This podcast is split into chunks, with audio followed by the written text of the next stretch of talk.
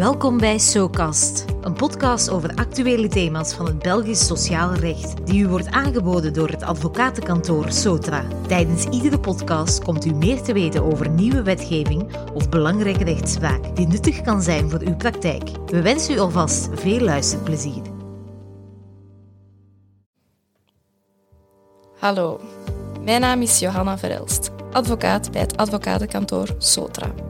Ik heet jullie graag welkom voor een nieuwe aflevering van SoCast, een podcast over arbeidsrecht. Ditmaal met Marianne de Waarzegger. Marianne, vandaag gaan we het hebben over een bijzonder onderwerp, namelijk het privédetectievenverslag als bewijsmiddel in arbeidszaken. Een werkgever die een werknemer verdenkt van ernstige tekortkomingen zou in bepaalde gevallen een privédetectieve kunnen inschakelen om zijn vermoedens te onderzoeken.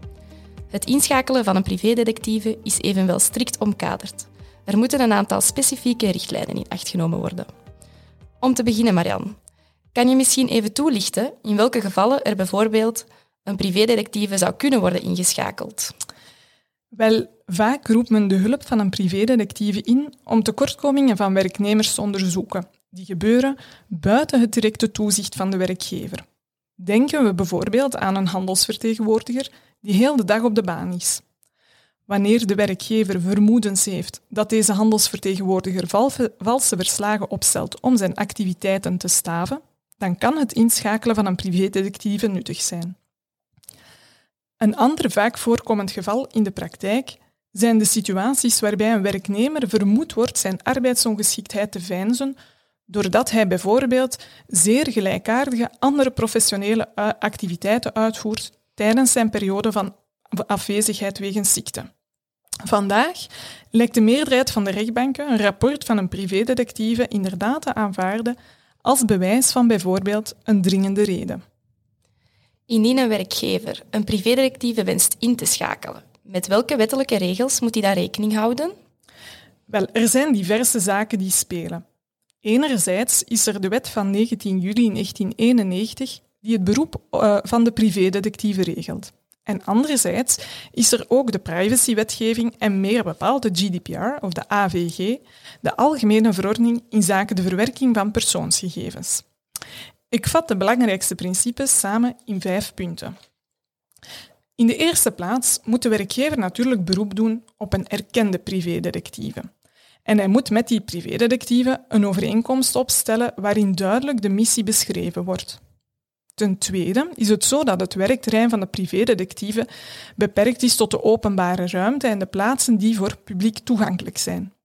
Hij kan dus geen vaststellingen doen of foto's nemen op plaatsen die niet voor het publiek toegankelijk zijn.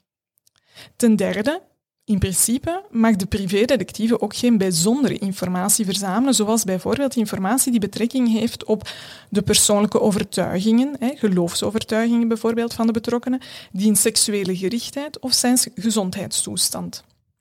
Ten vierde, de privédetectieve mag zijn vaststellingen met niemand anders delen dan zijn opdrachtgever. In dit geval dus de werkgever. Tot slot, en dat is misschien wel het meest delicate, moet ook het transparantiebeginsel van de AVG worden nageleefd door de werkgever als verantwoordelijke voor de verwerking. Dit is allicht het meest delicate punt, omdat volgens de regels van de AVG de betrokkenen, in dit geval dus de werknemer, moet geïnformeerd worden over het feit dat er over hem informatie verzameld werd. En dit uiterlijk één maand na het verkrijgen van de informatie. Ook wanneer de werkgever die informatie aan een derde zou overmaken, bijvoorbeeld de wetsverzekeraar, dan moet de werknemer op dat moment geïnformeerd worden. Wij geven wel mee dat aan een voorafgaande informatie aan de werknemer niet vereist is, omdat zoiets natuurlijk alle nut aan de missie zou ontnemen. Wanneer de werkgever de werknemer informeert over het feit dat hij gevolgd werd door een privédetectieve, moet de werkgever dan ook meteen het rapport bezorgen aan de werknemer? Wel, niet noodzakelijk. Hè. Maar de AVG voorziet wel dat de werknemer zijn recht op inzage kan uitoefenen en bij gevolg een kopie kan, kopie kan vragen van alle informatie die over hem verzameld werd. Dit betekent niet steeds dat de werknemer het integrale rapport moet kunnen ontvangen. Wanneer het rapport bijvoorbeeld informatie bevat die betrekking heeft op derden of die valt onder een beroepsgeheim, ja, dan moeten die elementen niet meegedeeld worden. Een en ander moet dus steeds geval per geval bekeken worden en soms zal het rapport anoniem moeten gemaakt worden alvorens het aan de werknemer kan bezorgd worden. Tot slot, Marian. Wat gebeurt er indien er toch bepaalde onregelmatigheden zouden gebeurd zijn, zoals bijvoorbeeld het niet tijdig informeren van de betrokkenen?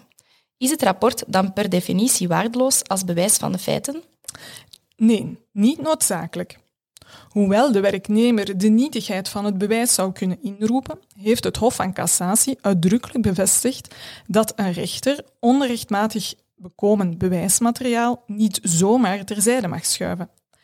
In bepaalde gevallen zou de rechter, ondanks de onregelmatigheden, het bewijs toch kunnen aanvaarden.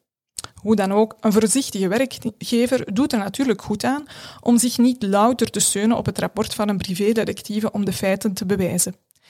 Idealiter zijn er ook andere elementen, zoals bijvoorbeeld getuigenverklaringen of het feit dat de werknemer de fouten toegegeven heeft.